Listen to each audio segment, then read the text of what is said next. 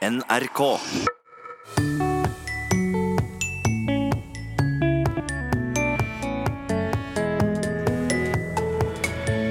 Hva er det med det lille ordet hen? Hen er jo et kort og lite ord, men det er veldig sterkt politisk ladet på mange måter. Vi debatterer.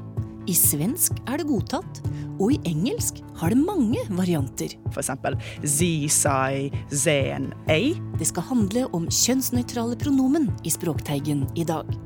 Og i serien vår om søm og språk havner vi i skjæringspunktet mote og krig. Vi snakker om raglandsermer. Dette er jo krimkrigmote. Vel møtt til Språkteigen. Hva sier du når du ikke vet kjønnet på den du prater om? Sier du hen? For mange er nok hen fortsatt litt nytt og uvant. I Sverige har det sirkulert i språket siden 60-tallet, og i engelsk har they vært et alternativ siden Shakespeare sin tid. Så er det da forskjeller i måten de tre språka bruker kjønnsnøytrale pronomen på? Og hva synes norske, svenske og engelsktalende språkbrukere om dem?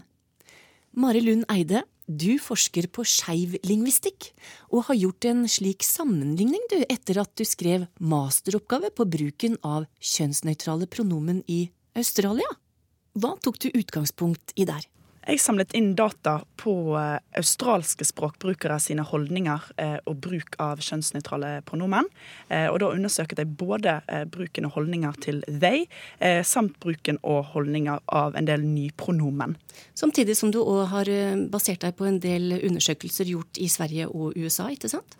Det stemmer. Det er ikke gjort så veldig mange undersøkelser verken i Sverige eller USA, men det er gjort et par undersøkelser som gir oss ganske viktig sammenligningsgrunnlag til eh, hvilke holdninger og bruk som eksisterer rundt om i, eh, i verden.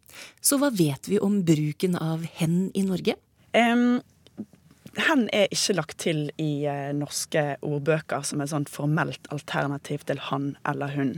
Eh, og det forekommer heller ikke så veldig ofte i media, f.eks. Vi har sett det forekomme i eh, aviser, f.eks. bl.a. i Klassekampen.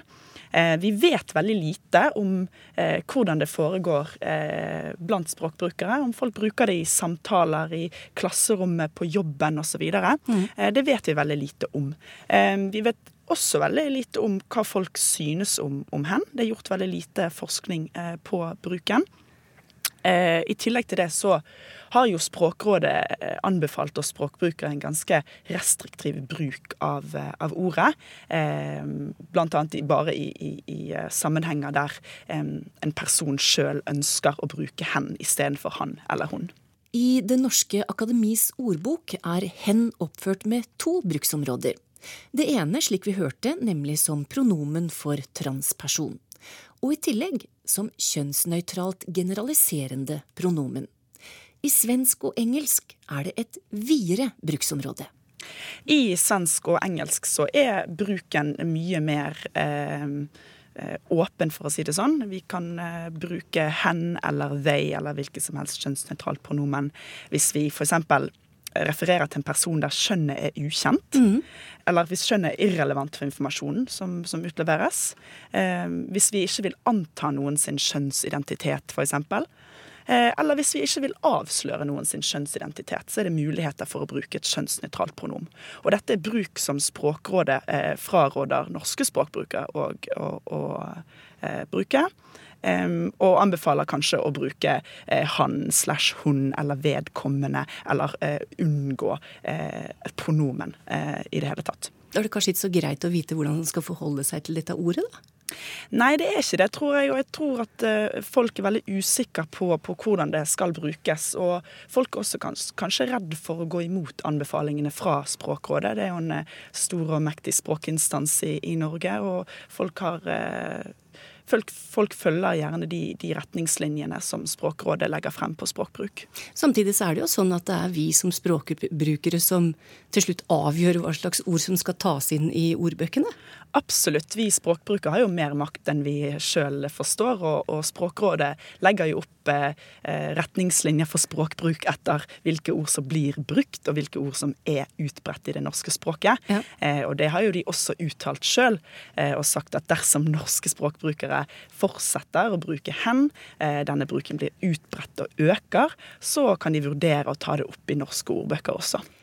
I tillegg til å fungere som kjønnsnøytralt pronomen, kan hen òg vise til en tredje kjønnskategori for dem som ikke identifiserer seg som mann eller kvinne. Hen skal brukes av den som trenger det, og det vil skape henrykkelse sa Espen Ester Pirelli Benestad til NRK da innføringa av et tredje kjønn var oppe til stortingsbehandling i 2017. Først og fremst så handler det om at eh, personer som ikke opplever at de passer inn i kategorien mann eller kategorien kvinne, at de likevel opplever at deres identitet blir ivaretatt i møte med det offentlige Norge. Å gå bort ifra at vi har to kjønn, mann og kvinne, det mener vi er galt. Eh, de to kjønnskategoriene kvinne og mann er grunnleggende for vårt samfunn og for familiene, og det mener vi at vi skal holde fast på. Det sa Hadia Tajik fra Arbeiderpartiet og Knut Arild Hareide fra KrF i forbindelse med debatten i Stortinget i fjor. Og den politiske debatten rundt hen påvirker òg debatten om det grammatiske kjønnet, mener Lund Eide det å så eh, innføre et nytt pronomen i tillegg til han eller hun, eh, det er jo en ganske stor endring i det norske språksystemet. Pronomen er jo en lukket ordklasse. Det er ikke sånn at eh, nye ord kommer og går i pronomen som en ordklasse, kontra verb og substantiv, da, som hele tiden får nye ord. Så ved å innføre et nytt pronomen, eh, så endrer vi ganske sånn strenge språkstrukturer. Og det kan være problematisk eh, for, eh, for folk. Men i tillegg til det så er det vel hovedsakelig at det er en ganske kontroversiell språkendring. Og det konfronterer folk til å ta, ta stilling til litt moralske spørsmål. Hen brukes jo ofte til å representere trans- eller ikke-binære eller flytende kjønnsidentiteter. Og det rukker jo ved mange sin virkelighetsoppfatning av, av kjønn som mann eller kvinne. Mm. Eh, så enten han eller hun. Um, så det å godkjenne et sånt eh, pronomen, eller bruke dette pronomen, det er jo også å uttrykke støtte for eh, alternative kjønnsidentiteter. Så hen er jo et kort og lite ord, men det er veldig sterkt politisk ladet på mange måter. Mm. Eh, og det er nok disse her konnotasjonene som språkbrukere kan ha problemer med. Vi skal forlate bruken og holdningen til hen i Norge og kikker over til Sverige. Når begynte ordet å sirkulere i svensk? I svensk så har eh, hen eh, sirkulert siden 1960-tallet. Eh, og det var en ganske viktig del av likestillingsdebatten allerede da. Men det ble ikke innført i eh, svenske ordbøker før 2015, og det var etter eh, eh, mange runder med debatter eh, om, om, denne innførelsen. så i denne prosessen skjedde det ganske, ganske mye. Eh, blant annet så eh, en viktig endring var at det svenske språkrådet omfavnet hen som måte, det offisielle alternativet til han eller hun. Og det var jo også, også, sånn det ble innført, at det rett og slett ble innført fra ovenfra og ned ved å si at hen er nå blitt det offisielle alternativet han eller hun, eh, og kan brukes på, på følgende, følgende, måter. Så de endret sine retningslinjer da, for kjønnsinkluderende språk for offentlige institusjoner, eh, og sa at eh, hen kan, kan, brukes som et alternativ til han eller hun. Mm. Foreløpig så er ikke offentlige institusjoner pålagt å bruke hen. Det er opp til, til de sjøl sjøl om de vil bruke det i offentlige publikasjoner, eh, men det er altså innført som et formelt alternativ til han eller hun. Er det noen undersøkelser på hva som har skjedd etter innføringa? Um, undersøkelser viser at uh, bruken har tatt seg opp spesielt i mediepublikasjoner. Uh, så i aviser f.eks. så brukes uh, hen mer og, og mer. Men altså, i svensk så ser vi bl.a. at det er mye vanligere å bruke det som um, instanser der vi f.eks. ikke vet kjønn, eller når kjønn er irrelevant for informasjonen. Um, det er mye vanligere i svenske avispublikasjoner enn f.eks. når intervjuobjektet er en transperson eller flytende kjønnsidentitet. Den bruken forekommer mye sjeldnere eh, i svenske aviser. Så til engelsk, hvor de har funnet sin egen løsning. English does have a solution, and lots of people are using it, and a lot of the old stick in the mud folks hate it. The answer is they. It's going to depend on your dialect whether it sounds good to you, but brace yourself because singular they is spreading very fast. Løsningen er they, sier lingvist Tom Scott i sin videoblogg. Og det er en løsning som dukka opp for mange år sia. Ja, they har sirkulert som et kjønnsnøytralt eh, pronomen eh, helt siden Shakespeares tid. Eh, så det går ganske mange hundre år tilbake. Så det har jo blitt en ganske sånn vanlig og innarbeida form eh, i, i engelsk. Og eh, det er ganske relativt akseptert og brukes ganske ofte i, i, i tale.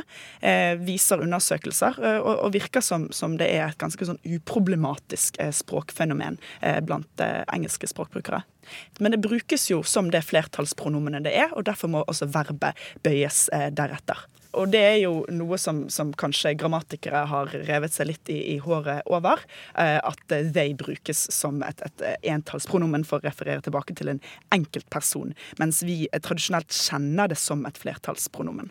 Men det har òg kommet andre forslag til nye kjønnsnøytrale pronomen i engelsk. Ja, det har jo gått sport i å foreslå nypronomen i, eh, i engelsk eh, som, som, alternativ til, eh, til kjønnsnøytralt pronomen. Og vi ser det, dette her skjer helt tilbake på 1800-tallet. Og det har vært foreslått ganske mange forskjellige morsomme nypronomen. Eksempel z, si, zen, a, med bruk av z og og X til å stave de. Um, I dag så brukes disse her nypronomene ganske sånn um, ganske utbredt i f.eks. transmiljøer eller skeive miljøer. Holdningene til disse nypronomene er ikke like positive som holdning til f.eks. they. Det virker som om at engelske språkbrukere sliter litt med å akseptere disse nyordene. Og det kan komme fra flere forskjellige ting.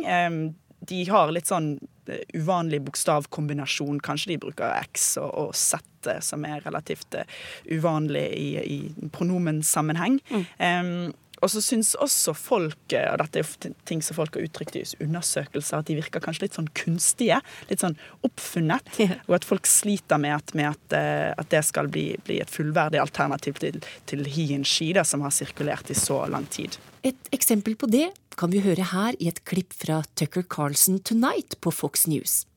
Han har fått eksperthjelp i studio til å forklare hvordan de nye pronomene skal brukes.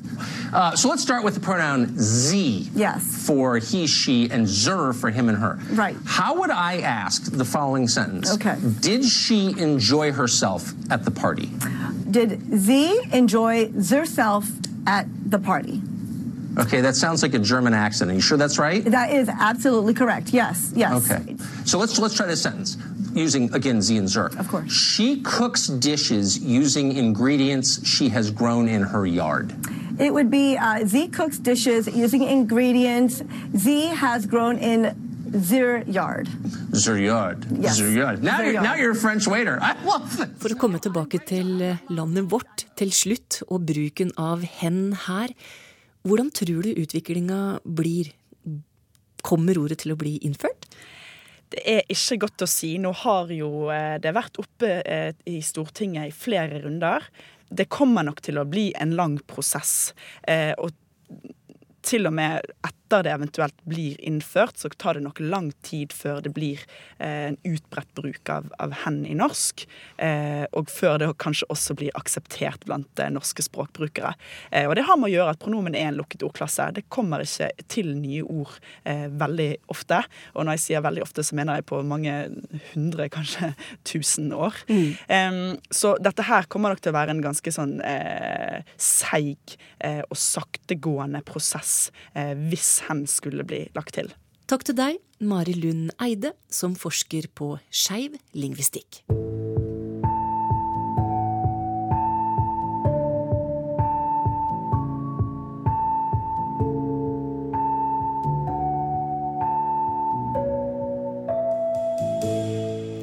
Nå skal vi til kombinasjonen søm, design og språk. For i den lille serien vår om søm og språk graver reporter Helle Therese Kongsrud fram kjente ord og begreper med spennende historier. Og i dag havner vi plutselig midt i krimkrigen. Det som vi skal brette opp, er ermene.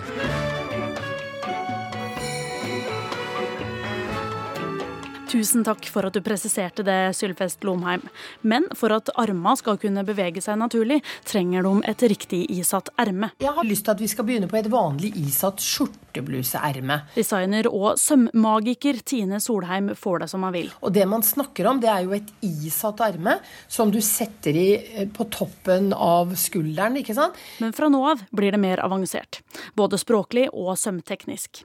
Språklig har vi òg i dag med førsteamanuensis i fransk ved Universitetet i Oslo, Kristine Meklenborg Salvesen. Med forbehold om at jeg ikke er eh, på noe som helst eh, en eh, skredder. Det går fint, så lenge du kan hjelpe oss med det språklige. Og vi begynner i Østen, med kimonoermer. Selve kroppen går i ett ut med ermet. Men innen kimonoermer så har du to forskjellige typer. For du har, på fransk så snakker de om en falsk kimono og en ekte kimono.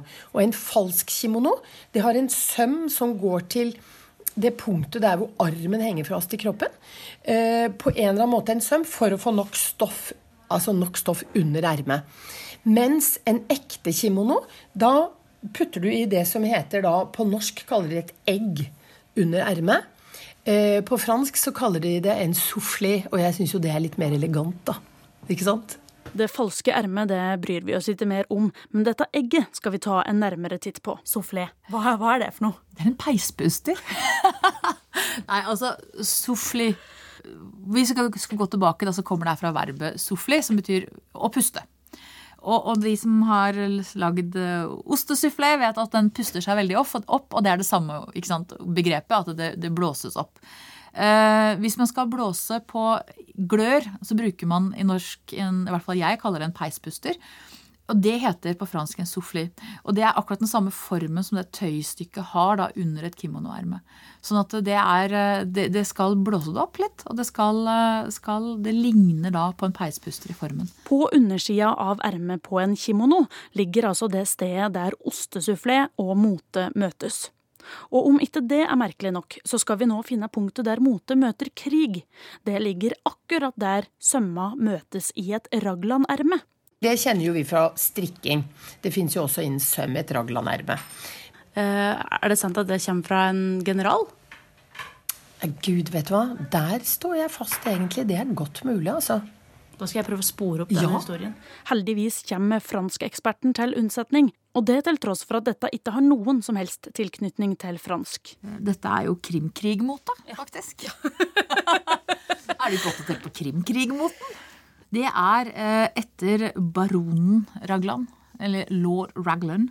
Eh, og det var en frakk som var veldig på moten under Krimkrigen. Og den hadde den type felling altså som går på skrått fra armhulen og opp mot kragebeinet.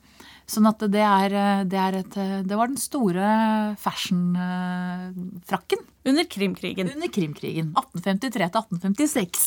Det fenomenet lever i sin beste velgående. Og, og jeg tror veldig få tenker på lord Raglan når de hører om Ragland-felling på en strikkegenser, f.eks. Kan alle bare donere noen tanker til lord Raglan neste gang, neste gang vi sitter og sliter med noen uh, masker som skal felles? Det syns jeg er uh, på sin plass. Men òg artig dette enn er, så er ikke Ragland-ermet det som rent språklig har den mest spennende historien. Vi skal høre om et erme som egentlig ikke har noe ordentlig navn på norsk. Det er un manche gen, og det skrives G-A-I-N-E. Og det vil si et buet erme, hvor du har snitt bak, og så er det fasongsydd og buet. Og det bruker vi veldig mye på damekjoler hele tiden. Dette er jo morsomt. Dette er det samme ordet som vagina. Ja, du hørte riktig. En vagina er jo da egentlig en slire. altså Gen kan også bety en slire. Så det er noe som er tilpassa til å passe tett rundt noe annet. Og uh, un gen passer da rundt uh, armen, mens en vagina passer rundt noe annet. Men det er altså rett og slett det som er opprinnelsen. Og så er det veldig morsomt fordi at hvordan i all verden kan en V bli til en G?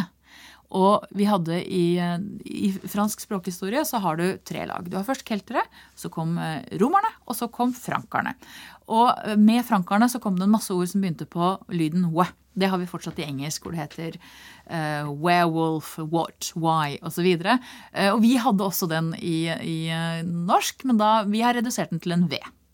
Og, men disse stakkars, stakkars romerne som fikk denne we lyden midt i fanget. De visste ikke hvordan de skulle forholde seg til den. Så de satte på en G. Så uh, for eksempel ordet guerra, som betydde krig, da satte de på en G, og så ble det guerra. Uh, og i fransk så er den da blitt videre redusert fra gue til ge, og så sier man guerre. Og i engelsk så heter det war. Det er akkurat samme ordet.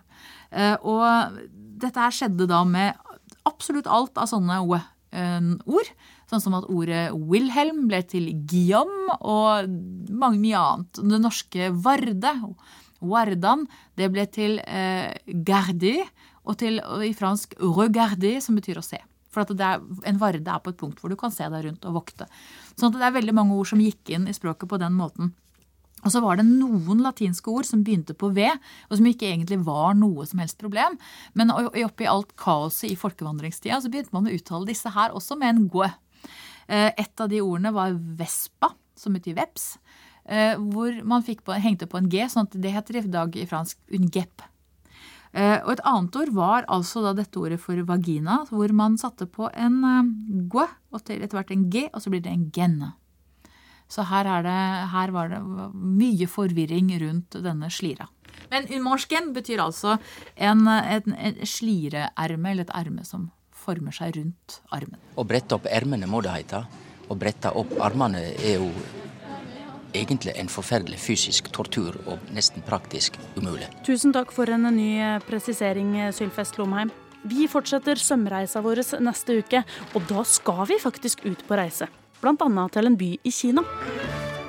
Den ble het uh, eh, i, uh, i, middelalderen i Europa. Den heter i dag Quanzhou. Det er et stoff som har reist helt fra østkysten av Kina og til Europa og gitt navnet til sateng.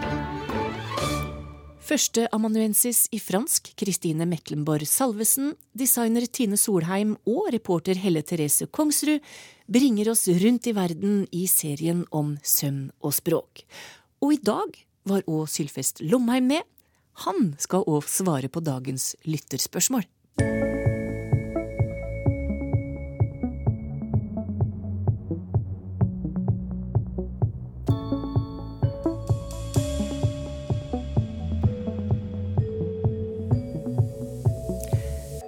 Første spørsmålet Sylfest Lomheim får i dag, kommer fra Berit Tokerud.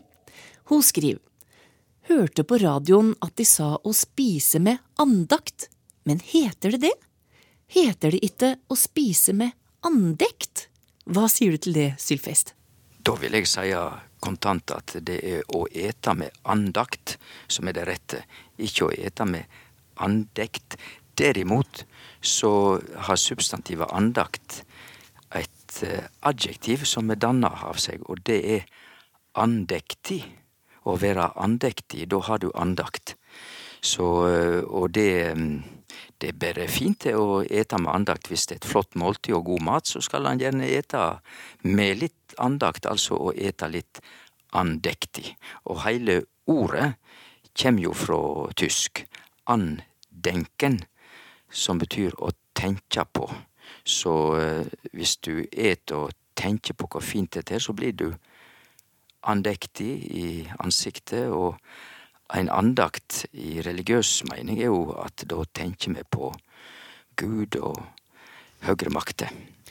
Vi skal til ordet konfirmasjon, et ord som brukes både av Den norske kirke og av Human-Etisk Forbund. Noen mener dette er en seremoni som bekrefter dåpen, men hva er egentlig opphavet til ordet, spør Tom Spjelnes. Ja, opphavet til ordet er jo veldig enkelt, for det er jo eh, De som kan engelsk, kjenner jo verbet to confirm. Og det betyr å bekrefte. Og eh, la oss si at um, du har hatt ei bestilling og skal bekrefte dette her, så snakker man om to confirm. Mm. Og konfirmasjon, alt kommer jo fra latin, det betyr stadfesting. Du stadfester noe, enten det er kjøp av ei vare, eller i religiøs sammenheng, så betyr konfirmasjon stadfesting av det kristne dåpsløftet som blir avgitt ved dåpen. Mm. Og det er derfor òg jeg mener bestemt at uh, Human-Etisk Forbund kan ikke kalle sine eh, markeringa av overgangen til ungdom og voksenliv som konfirmasjon. Og da veit jo alle òg at det vanlige er rett og slett borgerlig konfirmasjon. Underforstått, dette er ikke en kristen konfirmasjon. Og i dag så brukes vel begrepet humanistisk konfirmasjon av Human-Etisk Forbund?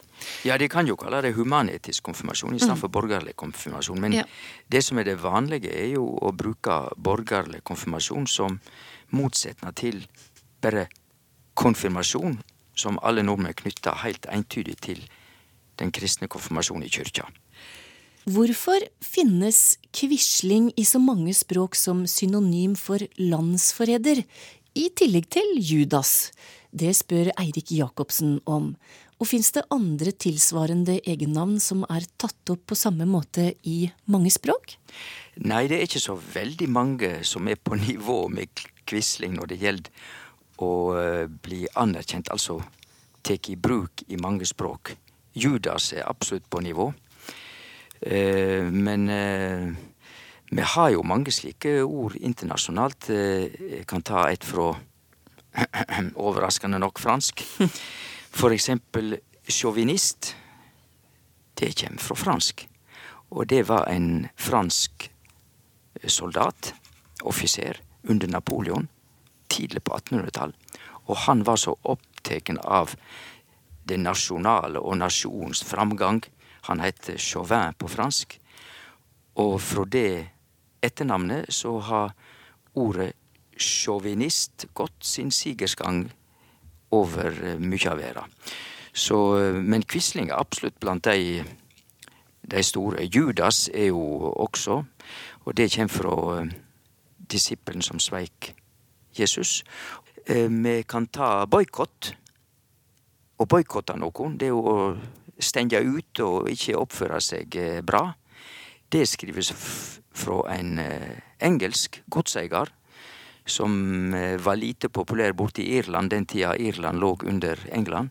Og han stengte ut bønder og arbeidere som ikke han likte og den slags.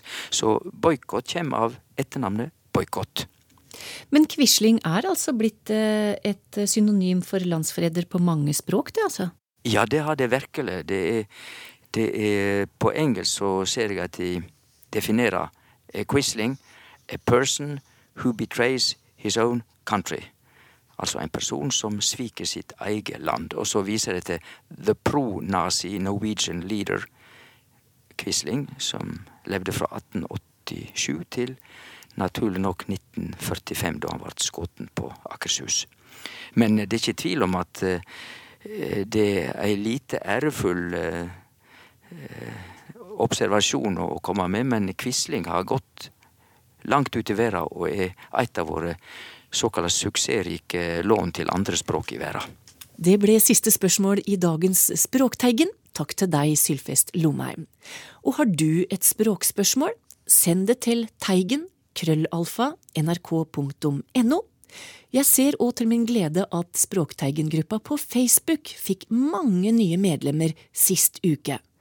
Der diskuteres språk jevnt og trutt, og har du spørsmål som du vil ha kjapt svar på, så er det mange kloke huer som bidrar i den gruppa. Jeg plukker gjerne spørsmåla opp etter hvert og bruker dem her i radioen. Vil du være med i gruppa, så er det altså bare å søke etter Språkteigen på Facebook.